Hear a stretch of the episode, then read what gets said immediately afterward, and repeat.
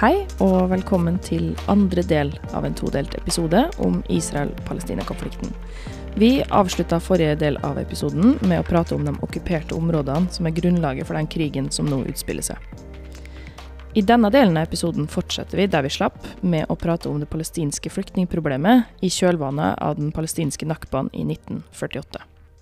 Jeg tenker vi må snakke litt om, om, om nakbaen. Eh, ja. og det her med det palestinske flyktningproblemet. Eh, kan du fortelle oss litt om, om, hva det dreier seg om? Hva som er kjernen i det, og hva som er problemet?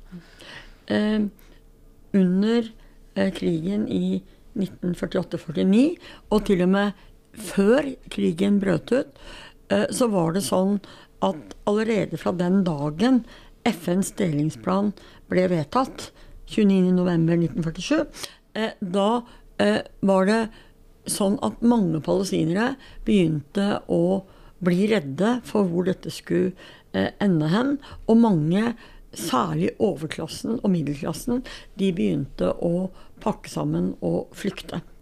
Sånn at det palestinske flyktningproblemet, som også er et av de store, avgjørende problemene som er uløst en dag i dag, eh, det oppstår eh, nå som en følge av denne krigen etter hvert som eh, først borgerkrigen og senere krigen mellom Israel og de omliggende arabiske statene utvikler seg, så eh, både flykter det og også flere hundre tusen blir fordrevet av Israel, palestinere, ut fra de palestinske områdene. Så vi regner sånn cirka, og her har vi jo litt dårlige tall, men vi regner at ca. 700 000 palestinere flykter fra de områdene som Israel kontrollerte etter krigen i 1948-49. Bare 150 000 var igjen i de Israel-kontrollerte områdene. Eh, og eh, det mange ikke tenker på, det er Eh, hvorfor er Gazastripen i dag verdens tettest befolka område, på størrelse med Mjøsa? Jo, det er fordi at i den største fordrivingspolitikken som Israel gjennomførte, ledet av den da unge militære leder Yitzhak Rabin, som senere blir statsminister i Israel, vinner av Nobels fredspris osv. Han leder den største fordrivelsen av palestinerne. Flere hundre tusen. Eh, og hvis vi nå hadde hatt et eh, kart, og i hvert fall ser det for oss i hodet, så presses palestinerne De, de tvinges til å marsjere på landeveien og presses sør-vestover. Det vil si at da havner du på Gazastripen. Da kan du velge mellom å hoppe i Middelhavet eller eh, flykte videre inn til Sinai, men der står den egyptiske hæren, og den grensa er som eh, Rafa i dag stengt for palestinere. For Egypt vil heller ikke ha en eneste palestiner inn til seg. Og dermed så har du den egyptiske hæren i den ene enden, Middelhavet i den andre og den israelske hæren i den tredje. Og dermed ble Gazastripen verdens tettest befolka område. I tillegg så flykter jo da eh, de palestinerne som bor i nord, de flykter til eh, Libanon. Eh, de flykter til Syria. Og veldig, veldig mange flykter fra eh, eh, Israel over Vestbredden og inn til Jordan. Så dermed så har vi et kjempestort palestinsk flyktningeproblem eh, i alle disse omliggende arabiske eh, landene rundt Israel. Og det er derfor palestinerne kaller dette for al-Nakba, altså katastrofen. Mens Israel kaller akkurat den samme krigen for deres frigjøringskrig, deres uavhengighetskrig. Mm. Um, du, du kom jo inn på noe, eh, det her med Gaza og Vestbredden. Uh, hvorfor har man et Gaza, og hvorfor har man et Vestbredden? Og hvorfor er Vestbredden delt inn i ulike soner? Kan du si litt om det? Eh, Gazastripen er eh, sånn at eh, der eh, har palestineren på en måte siden eh, Oslo-avtalen i 1993 hatt eh, selvstyre. Eh, de har aldri eh, kunnet fritt reise ut og inn, verken til Egypt eller til Israel. Eh, og så kom vi sikkert tilbake til eh, Hamas sin eh, valgseier i 2006-2007 og blokaden eh, som kom etter det. Men, men palestinerne eh, på Gazastripen har på en måte alltid vært skal jeg si, fanget i en felle. Eh, så de bor der. På Vestbredden så levde først palestinerne etter 1967 under da israelsk okkupasjon. Som en følge av Oslo-avtalen igjen i 1993 og den nye Oslo 2-avtalen i 1995, så ble Vestbredden delt opp i ulike A-, B- og C-soner. Eh, og det eh, skulle være da Eller vise graden av palestinsk selvstyre. Sånn at palestinerne fikk eh, selvstyre eh, i de største palestinske byene på Vestbredden.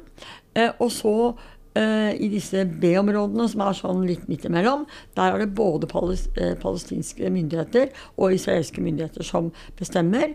C-områdene er militære baser og annet hvor Israel bestemmer. Og så har vi jo da alle de jødiske bosetterne som bor rundt omkring på denne Vestbredden. Eh, og det er jo verdt å minne om at før 1967 eh, bodde det ingen jøder på Vestbredden.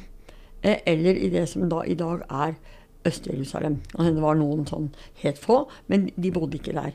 I dag bor det over 700 000 jødiske bosettere i Øst-Jerusalem og på Vestbredden. Så Israel har da systematisk flytta inn sin befolkning i de okkuperte områdene, altså på Vestbredden. Og det er også et helt brudd på Genévekonvensjoner og andre regler vi har om at en okkupant kan ikke flytte sin befolkning eh, inn i et okkupert område. Og disse jødiske bosettingene de høres kanskje litt sånn eh, små og nusselige ut, men de er på størrelse med norske byer. og jeg pleier å sammenligne med en sånn Eh, salamipølse, for det klarer alle å se for seg med en gang. Hvor det røde kjøttet eh, det skal være den sammenhengende palestinske staten. Mens alle fettklumpene i min pølse, det er de jødiske bosettingene. Og så pleier jeg å rette på meg sjøl og si at Vestbredden ser ut som en danskepølse, for den er det enda mer fett i. Det bare flyter ut og spiser opp alt det røde kjøttet. Og for sånne som meg som vanker på denne Vestbredden og reiser rundt der, så er det akkurat sånn det ser ut. Det er jødiske bosetninger og veier og militærbaser og israelske hæren og checkpoints som stykker opp dette området i mindre og mindre og mindre biter.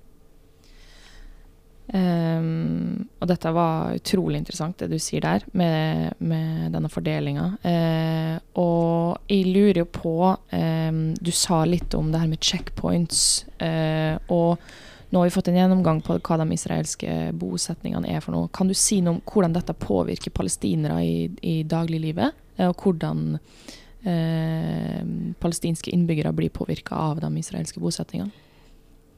Det er sånn at Eh, for de av oss som jobber med det her, så har vi et eh, ganske stort eh, formidlingsproblem. Fordi at virkeligheten på bakken, den er sånn at jeg tror de fleste nordmenn ikke forstår eller skjønner hvordan dette er, før du ser det sjøl med egne øyne. Og det gjelder alle de jeg tar med meg eh, på jobb eh, i Israel på, i palestinske områder, det være seg studenter eller familie eller hva jeg drasser med meg, altså de sitter jo med åpen munn alle sammen, for dette har de jo aldri sett før. Det vil si at eh, i dag så er denne Vestbredden eh, Der er det bygd en kjempemur. Og den muren, eh, den er høy og stor og svær. Eh, og det er ikke mulig for de som bor på den andre siden av muren, altså palestinere, å fritt dra inn til Israel. Eh, jeg, jeg, husker at jeg i 2000 var på jobb eh, eh for Sida, altså tilsvarende vårt eh, Norad, eh, og skulle evaluere en, en, et institutt i Betlehem. Da bodde jeg i Jerusalem. Og så kjørte jeg fram og tilbake fra Jerusalem til Betlehem. Eh, det er kanskje et kvarter å kjøre. I dag er ikke det mulig i det hele tatt. Hele Betlehem er ringa inn av en mur som jeg tror ikke vi skjønner før vi ser det, med vakttårn, sperringer, piggtråder, eh, sjekking, eh, mil eh, militære, eh, automatvåpen. Det er våpen overalt. Og så er det en sånn bitte liten port i muren. Og der kan alle vi som har biler med israelske skilter, kjøre ut og inn. Eh, men ikke palestinerne. Som har grønne skilter. De kan ikke kjøre ut og inn der hvis ikke de har tillatelse av Israel. Og dette er Altså, det, det, er på en måte så fryktelig, fordi at det betyr jo at eh, ikke bare palestinernes liv og menneskerettigheter og hvordan de har det, men også den palestinske økonomien. Eh, den er det jo ikke mulig å få til å fungere i et sånt system. Eh, og det var jo liksom en veldig viktig drivkraft, og er en viktig drivkraft bak det internasjonale samfunnets mengder med bistand til det palestinske området. Det skulle jo bygges en palestinsk infrastruktur som skulle lage en fremtidig palestinsk stat. Det var jo hele poenget. Men her er det så mange sperringer og hindringer som gjør at det er heller ikke mulig å få til et, altså et, en normal økonomi, utveksling av varer og tjenester, eh, normale studier, normale liv. Det er ikke mulig. Og det er absolutt til ettertanke. Um, du nevnte litt det i stad med selvstyre, at palestinerne fikk selvstyre. Kan du si noe om hvem det er som egentlig styrer i Palestina nå? Og hva som er uh, forholdet mellom de uh, ulike gruppene? I 1993 uh, så fikk palestinerne selvstyre på noen få områder, som etter hvert ble utvida til noen flere. Og så ble det laget eh, det som vi i dag kaller eh, den palestinske selvstyremyndigheten, PA, ofte forkorta. Eh, det er eh, sprunget ut av det som er og var PLO. Og Fatah, som var den største organisasjonen i PLO, som Yasir Arafat Eh, styrte helt til han døde. Sånn at det er på en måte liksom regjeringspartiet, det regjeringsbærende partiet, på Vestbredden, og i utgangspunktet også på Gazastripen. Så ble det i 2006 holdt et valg.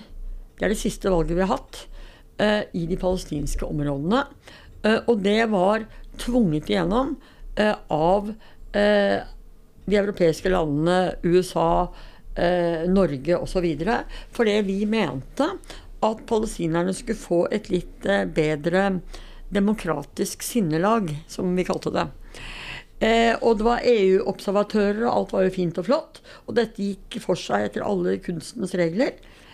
Problemet var jo bare at eh, palestinerne stemte på feil parti. Altså, De stemte jo ikke på det partiet vi ville at de skulle stemme på. Dvs. Si, eh, altså Fatah, den palestinske selvstyremyndigheten. Det var Hamas som vant valget i 2006. Både på Gazastripen og på Vestbredden. Et veldig stort sjokk eh, for eh, vestlige land som hadde tvunget gjennom dette valget. Fordi at hva gjør vi med palestinerne eh, når de ikke stemmer sånn som vi vil? Det var jo veldig dumt. Og da er det sånn at vi bestemte, sammen med Israel, europeiske land, USA, Israel og etter hvert Norge på slep, at nå skulle palestinerne få straff fordi at de stemte på feil parti. Så dermed så kutter vi all bistand til det Hamas-styrte eh, området som da i utgangspunktet var på Gaza. Veldig fort så blir det jo da en eh, borgerkrig eh, mellom eh, den palestinske selvstyremyndigheten PLO og Hamas. Som ender opp med at den palestinske selvstyremyndigheten blir kasta ut fra Gazastripen. Så da har vi fra 2007 Gazastripen styrt av Hamas. eh, Vestbredden styrt av den palestinske selvstyremyndigheten. De får bøtter og spann med bistand fra oss, for det, det er liksom på en måte våre venner. Det som da skjer, er at Hamas eh, Og det er viktig å si, eh, i hvert fall nå når alle Mange sier at Hamas er som eh, den islamske staten IS og Al Qaida. Eh, det er helt feil. Eh, Hamas har en militær gren eh, som heter Qassam-brigantene. Hamas har drevet med mange selvmordsaksjoner, grusomme selvmordsaksjoner, inne i Israel. Hamas har 7.10 eh, gjennomført et grusomt terrorangrep eh, på sivile israelere, hvor 1200 israelere blir drept. Dette er Hamas sin militære gren, og som selvfølgelig har blitt bare mer og mer og mer ytterliggående etter at de årevis, 17 år har det vel, har vært sperra inne på Gazastripen. Men Hamas er veldig mye mer enn det. Hamas er faktisk regjeringen på Gazastripen. Der Hamas er et politisk parti.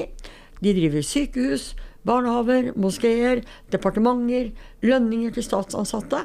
Alt dette er også Hamas. Eh, og eh, Hamas har da fått eh, penger fra særlig Qatar, som støtter dem på den sivile biten. Og så har de også fått, tror vi, ganske mye både penger, våpen og trening fra Iran på den militære biten. så vi har et palestinsk folk som er også helt splitta. Og vi må jo minst ha en egen fredsprosess for å få palestinere til å snakke med palestinere. Det er situasjonen vi står overfor før 7. oktober. Mm. Og da kommer vi litt inn på det her med eh, hva som har skjedd etter 2007. Og jeg er jo veldig interessert i eh, hva er det som har gjort egentlig at eh, at man har kommet til det punktet eh, at det kommer et angrep 7.10. Og med det så lurer jeg på hvordan situasjonen mellom palestinere og israelere har vært og blitt utvikla de siste åra, særlig etter 2007, og hva som kom, hva som gjorde at man, man havna i den situasjonen man havna i nå? Jeg tror vel kort, eh, kort eh, oppsummert eh, så har alt blitt bare mye verre.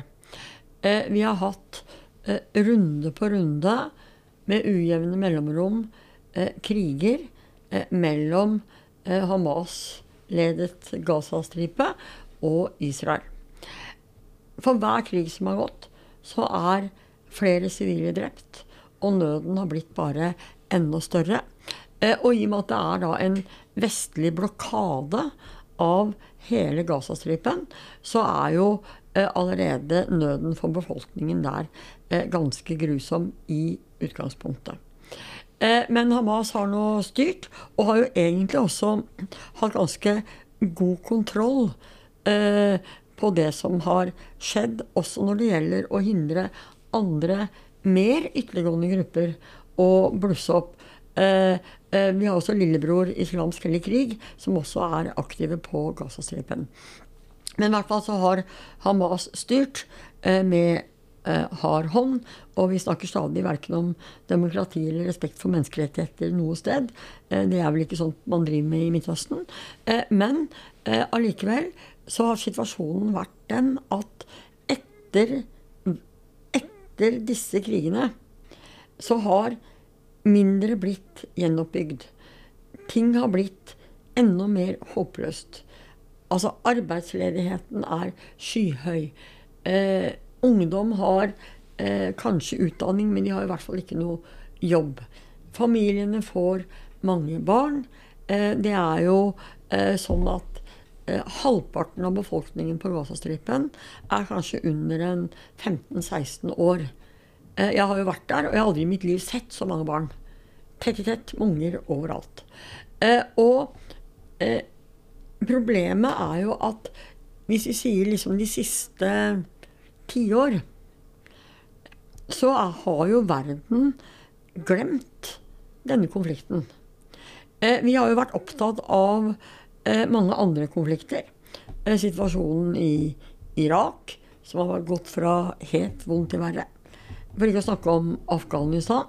En krig hvor Taliban har USA har trukket seg ut, og Taliban har overtatt og vunnet. En krig i grusom borgerkrig i Syria. Og nå en krig i Ukraina. Sånn at verdens øyne har ikke lenger brydd seg om denne konflikten. Og i tillegg til det så ser vi at flere og flere arabiske land har inngått såkalte normaliseringsavtaler med Israel. Eh, Bahrain, Emiratene, Sudan, Marokko eh, har gjort det. Og like før dette angrepet så var også lederen i den sunnimuslimske verden, Saudi-Arabia, i ferd med å inngå en sånn avtale med Israel. Eh, og det har alltid tidligere vært slik at det har vært bred støtte i de arabiske landene for den arabiske fredsplanen fra 2002, som i virkeligheten er en fredsplan fremlagt av Saudi-Arabia. Og i den fredsplanen så har det vært sånn at de arabiske landene har sagt at ja vel, vi kan, eh, vi kan anerkjenne og normalisere forholdet til Israel hvis Israel trekker seg ut fra de okkuperte områdene, Gazastripen, Vestbredden, Øst-Jerusalem, Golanhøydene. Det opprettes en palestinsk stat. Eh, så har det vært på en måte et premiss for å normalisere forholdet. Det vi ser nå, er jo at de landene som har inngått en normaliseringsavtale, de har jo bare noe sånn lett eh, bla, bla, bla eh, om støtte til palestinerne. Og Saudi-Arabia var nå i ferd med å inngå en sånn avtale. Og der var det heller ingen krav til Israel om noen palestinsk stat for at en sånn avtale skulle bli gjennomført. Sånn at jeg tror at av en rekke grunner, hvor jeg tror at desperasjonen eh, er den viktigste, så tror jeg at det at eh, Israel var i ferd med å inngå en sånn normaliseringsavtale med Saudi-Arabia, også var tungtveiende for Hamas sitt desperate angrep. Mm. Eh, det er jo mange som betegner dette som et siste skrik til en verden som som man føler man har blitt glemt totalt av. da. Eh, så det er veldig spennende å, å høre din take på det. Um, men hvilke muligheter har man nå for en løsning på denne konflikten? Uh, jeg hører jo at det er en del forskere som har vært ute og sagt at en tostatsløsning nå, det er helt umulig. Men samtidig så har vi en norsk regjering som sier at det er det man må jobbe for. Uh, så da lurer jeg på hva er ditt uh, syn på dette? Jeg tror at um, når det gjelder denne konflikten, så finnes det bare dårlige løsninger. Det finnes ikke én eneste god løsning. Uh, og vi snakker jo ikke om rettferdighet eller uh, erstatning eller kompensasjon. Vi snakker ikke om noe sånt. Vi snakker om hvordan kan israelere og palestinere bo sammen på noe som ligner fredelig vis. Og det er mange Eh, forskere og analytikere eh, som nå snakker om en enstatsløsning, en enstatsrealitet. Eh, jeg er dessverre veldig uenig med dem. Ikke fordi at ikke det er en enstatsrealitet, for det er Israel som bestemmer her. Men jeg vil bare minne om det sionistiske prosjektet. Det er et Israel, en jødisk stat, åpen for all verdens jøder. Å innbille seg at Israel vil gå med på å gi én person én stemme, eh, det tror jeg omtrent er å tro på julenissen. Og jeg tror også at det er å si det samme som å dømme palestinerne til evig okkupasjon. Sånn at jeg mener at uh, enstatsløsning er ikke en løsning tostatsløsning eh, Jeg har ikke sagt at det er noen god løsning. Eh, men jeg mener at det er den eneste løsningen vi har. Eh, og de, det er fordi at vi må nesten tilbake til en sånn variant av FNs delingsplan. Israel og palestinerne må dele dette området.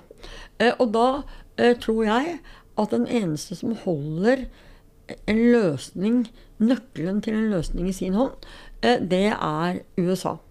Fordi at det er kun USA som har tilstrekkelig med det jeg kaller muskler. Det betyr penger og våpen til å øve press på sin nære alliert Israel. Eh, USA har, som vi alle vet, eh, vondt i viljen. Eh, USA har overhodet ikke vist noen tegn til at de vil ta i bruk sine pressmidler. Eh, men sånn sett så er det jo ganske kjekt å være historiker. For at jeg kan da diske opp med to eksempler fra historien om hvor når USA mener at Israel fører en politikk som er skadelig for USA, og som USA ikke vil ha, eh, da får faktisk pipa i Washington en annen låt. Eh, og det siste og det beste eksempelet, det er jo president George Bush senior, altså pappa Bush, og utenriksminister James Baker, som etter Golfkrigen, etter slutten på den kalde krigen i 1991, vil ha en annen dans i Midtøsten. Og det er faktisk Israel som nekter å være med på uh, USAs opplegg til fredskonferanse. Alle umulige land, selv Syria, ville komme, og Israel nekter. Da sier president Bush og utenriksminister Baker til uh, godeste statsminister Shamir i Jerusalem Kjære Shamir. Uh, vi ser at du har søkt om 10 milliarder dollar i Verdensbanken som vi i USA skal garantere for, som du skal bruke til å bygge nye bosettinger for dine nye russiske jøder. Har du lyst på 10 milliarder dollar eller ikke? Og Shamir svarer 'jeg nekter å komme'. Og så skrur de av pengekrana. Det blir ikke noe 10 milliarder dollar til Jerusalem. Og da får man sjokk i Jerusalem. For sånn snakker ikke USA eller noen til Israel. Men det går altså fem dager og Israel sitter ved forhandlingsbordet i Madrid. Sånn at Det er ikke sånn at ikke det ikke finnes muligheter. Det er bare at de mulighetene har så langt ikke vært tatt i bruk. Og jeg tenker til slutt at uh, denne tostatsløsningen uh, det er det eneste alternativet vi har. Og vi hører også nye toner fra Washington. President Biden, utenriksminister Blinken, snakker nå om en tostatsløsning. De sier at det finnes ikke noen militær løsning, vi må ha en politisk løsning. Og jeg skal love dere at det er ikke musikk i ørene til Benjamin Netanyahu. Sånn at det er eh, forslaget fra meg eh, om en game changer. Kanskje en forhandlet tostatsløsning. Det er kjempespennende. Da har vi etablert at eh, det er USA som sitter med nøkkelen. Men det er jo det er jo noen som er bekymra for at dette kan eskaleres til en regional storkrig. Eh, hva tenker du om det? Jeg tenker at eh, det er farlig å eh, leke med ilden. Og det er jo absolutt det man gjør nå i, i Midtøsten. Men jeg tror det er ganske tydelig at verken Iran eller Hizbollah i Libanon, som er liksom alliert med Iran, eh, de ønsker De legger i hvert fall ikke opp til eh, i det hele tatt noen eh, utvidelse av krigen. Og i Midtøsten så er det jo sånn at på liksom, verstinglaget, som kaller seg motstandsaksen, det er jo Iran, Syria, Hizbollah, alliert med sunnimuslimske Hamas, og med stormakten Russland på det laget der mot resten av røkla. Mot alle de andre arabiske landene i Midtøsten hvor de fleste er alliert med USA, og det er også Israel. Sånn at eh, jeg tror at denne eh, motstandsaksen forstår at eh, å legge opp til noe regional storkrig her, det vil gå veldig dårlig. Iran har mer enn nok med å holde seg flytende i sitt regime i Iran. Eh, Syria er en ruinhaug etter borgerkrigen. Hizbollah har eh, selvfølgelig vært en av de viktigste allierte eh, til Syria under borgerkrigen, eh, og er også litt opptatt der. Libanon er helt på randen av sammenbrudd, og derfor så hørte vi jo nå eh, Hassan Nasrallah, lederen av Hizbollah, si at eh, eh, dette er noe Hamas har funnet på selv, så vi bare skyter litt solidariske raketter. Eh, men foreløpig ikke noe mer. Så jeg tror ikke eh, at det ligger an til en regional storkrig. Men jeg tror at eh, Washington er redd for det. Og de fleste holder fremdeles pusten, fordi at det vil ikke USA ha. Og Derfor kan man tenke at det er da i også USAs interesser å roe denne krigen. Få den over i et spor på våpenhvile og kanskje forhandlinger. Det er utrolig spennende spådommer du, du kommer med der. Så får vi se hvordan dette utvikler seg. Og da er egentlig mitt siste spørsmål eh, med dette i bakhodet. Er det håp? Er det lys i enden av eh, tunnelen? For, eh, spesielt da for palestinerne som lider en så utrolig forferdelig skjebne akkurat nå? Det, det er veldig vanskelig å være Midtøsten-forsker og være særlig optimistisk. Det er egentlig bare trist. Eh, og det har blitt tristere for eh, hvert eneste år som går. Eh, men det kan hende, hvis jeg skal prøve å si noe positivt, eller tenke noe positivt, at denne krigen har vært så grusom at den kanskje er denne game changeren som mange snakker om. Fordi at det er nemlig veldig vanskelig å se hva Israel skal gjøre når krigen er over. Fordi at det Israel har skapt nå, det er en enda større, raskere tikkende bombe. En enda større sikkerhetstrussel mot seg selv. Eh, og det er ikke eh, sikkert at USA syns at å ha dette gående videre er egentlig veien ut. Eh, så en kan lure på, ettersom vi for første gang på mange år hører både amerikanske myndigheter og veldig mange andre snakke om at her må vi ha en framforhandla politisk løsning. Kanskje forhandlinger om en tostatsløsning, eh, hvis den skal være litt eh, optimistisk. Det må vi alle prøve å være. Eh, tusen takk for en utrolig interessant samtale, Hilde. Jeg har lært masse. Eh, og tusen takk for at du tok deg tid til å prate med oss i dag. Vær så god. Du har nå lytta til Konflikt, en podkast av Jata Oslo. Vi er en organisasjon for studenter og unge yrkesaktive med interesse for utenriks-, sikkerhets- og forsvarspolitikk. Hvis du syns dette var spennende, sjekk oss ut på Facebook og Instagram, og bli gjerne medlem på jata.no. Gi oss gjerne også en rating på iTunes, og anbefal oss til en venn for å hjelpe oss med å nå ut til flere. Og ikke glem å høre på neste episode. Vi lykkes!